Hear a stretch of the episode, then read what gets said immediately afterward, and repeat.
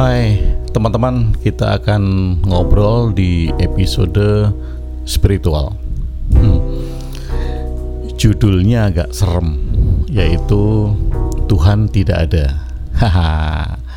ya, tapi Anda jangan berasumsi dulu. Marilah kita mencoba untuk melihat pikiran-pikiran kita tentang hal-hal yang patut kita pertanyakan atau bahkan mungkin kita tidak berani bertanya tentang hal-hal yang seharusnya kita sudah tahu. Ya, contohnya begini. Ada orang sakit lalu berdoa minta kesembuhan pada Tuhan dan sembuh. Ada? Ada. Oke. Kemudian ada orang yang sakit lalu berdoa minta kesembuhan pada Tuhan tapi meninggal. Ada? Ada.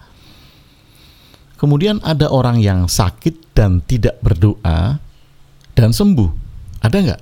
Ada. Lalu ada orang yang sakit dan tidak berdoa, lalu meninggal. Ada nggak? Ada. Jadi ada empat kemungkinan. Ya, lagi ada orang miskin dan berdoa minta kaya pada Tuhan dan kaya. Ada nggak? Ada. Dia berdoa ya Tuhan berikanlah aku kekayaan. Kemudian dia mendapatkan uang entah dari mana kemudian kaya ada ada. Tapi ada orang miskin yang berdoa minta kaya kepada Tuhan tapi tetap tidak kaya. Ada ada. Ada orang miskin tidak berdoa tapi kemudian kaya. Ada nggak? Ada. Lalu ada orang miskin tidak berdoa tapi tetap miskin. Ada nggak? Ada. Lagi ada orang berdoa minta sehat pada Tuhan dan sehat? Ada nggak? Ada. Kemudian ada orang berdoa minta sehat pada Tuhan dan kemudian sakit. Ada nggak? Ada. Lalu ada orang yang tidak berdoa tapi sehat. Ada. Orang ateis tidak berdoa, sehat. Kemudian ada orang yang tidak berdoa, kemudian sakit. Ada nggak? Ada. Nah, ini di dalam agama banyak yang terjebak dengan pertanyaan absurd tentang penciptaan. Sekarang kita beralih tentang penciptaan. Di sini terjadi kesalahan logika atau logical fallacy. Banyak sekali terjadi hal-hal seperti ini. Contohnya demikian. Nih, ada pertanyaan ya. Siapa yang menciptakan alam semesta? Kemudian dijawab, yang menciptakan alam semesta adalah Tuhan. Oke. Kemudian ditanya lagi, apa buktinya kalau Tuhan menciptakan alam semesta?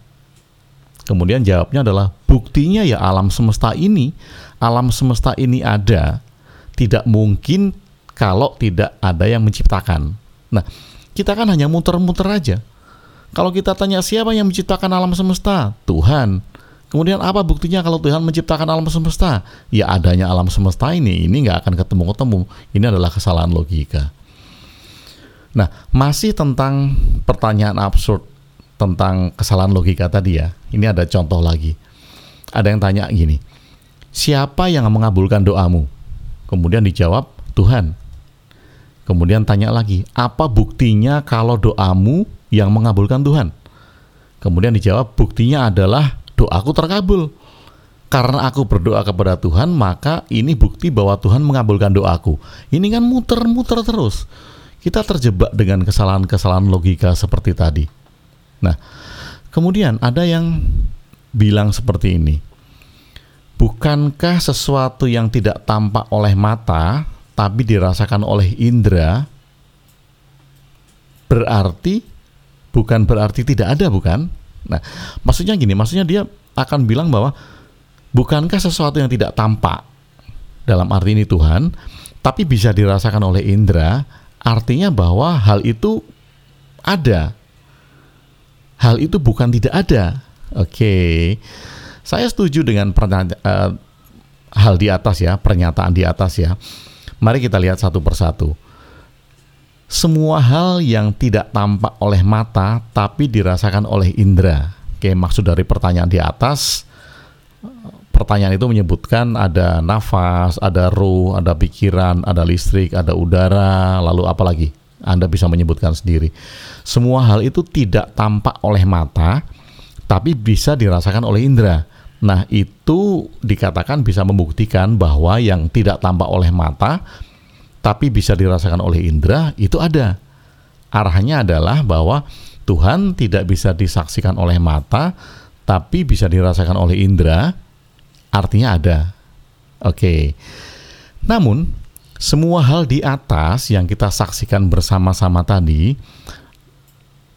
nafas, kita semua dapat menyaksikan.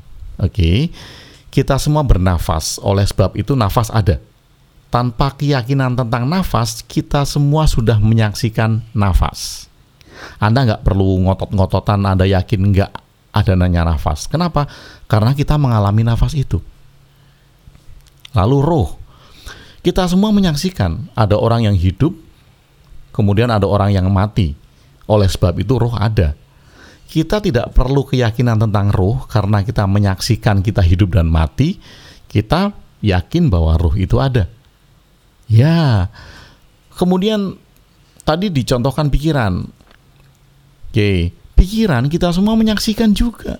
Kita dapat menghitung, kita dapat berpikir, oleh sebab itu pikiran ada. Kemudian disebutkan lagi udara. Oke, kita semua dapat menyaksikan. Kita menghirup, merasakan sejuk dan panas. Oleh sebab itu udara ada. Tanpa keyakinan tentang udara, kita semua sama-sama meyakini bahwa udara ini ada. Karena kita mengalami. Kemudian listrik. Kita semua menyaksikan juga ia menghidupkan lampu, kipas angin, TV, alat-alat elektronik yang lain karena kita menyaksikan itu, makanya listrik itu ada tanpa harus kita yakini. Kita nggak perlu keyakinan untuk meyakini listrik. Apakah kemudian kalau kita harus meyakini listrik, harus meyakini pikiran, harus meyakini roh, kita harus yakin terlebih dulu baru bisa menyaksikan? Enggak. Tanpa kita yakin adanya listrik, listrik tetap ada. Nah, hati-hati. Pertanyaan selanjutnya adalah namun, bagaimana dengan Tuhan? Bagaimana bisa disaksikan tanpa keyakinan? Bisa nggak Tuhan disaksikan tanpa keyakinan? Mengapa Tuhan harus disaksikan dengan meyakini terlebih dahulu, baru bisa menyaksikan Tuhan? Hmm, pertanyaan reflektifnya adalah, bukankah sesuatu yang ada tidak perlu keyakinan untuk menyaksikannya? Kita sama-sama menyaksikan matahari terbit dari timur, tenggelam di barat, dan kita sama-sama tidak perlu keyakinan tentang matahari. Kita tidak perlu berdebat matahari ada atau tidak. Kita tidak perlu berdebat pikiran ada atau tidak kita tidak perlu berdebat listrik ada atau tidak. Kita tidak perlu berdebat tentang udara itu ada atau tidak, walaupun kita tidak bisa menyaksikan dengan mata. Apalagi, kita tidak perlu berdebat karena dia memang ada. Nah, sekarang pertanyaannya saya kembalikan lagi. Bagaimana dengan Tuhan? Apakah Tuhan bisa disaksikan tanpa keyakinan? Karena setiap kali orang yang membimbing Anda, dia pasti akan mengatakan kamu harus yakin terlebih dahulu, baru kamu kemudian bisa menemukan Tuhanmu. Kalau memang Tuhan itu ada, Anda tidak perlu yakin untuk menyaksikannya. Oke sahabat podcast Agung WB, terima kasih telah mengikuti episode perdana dari episode spiritual ini.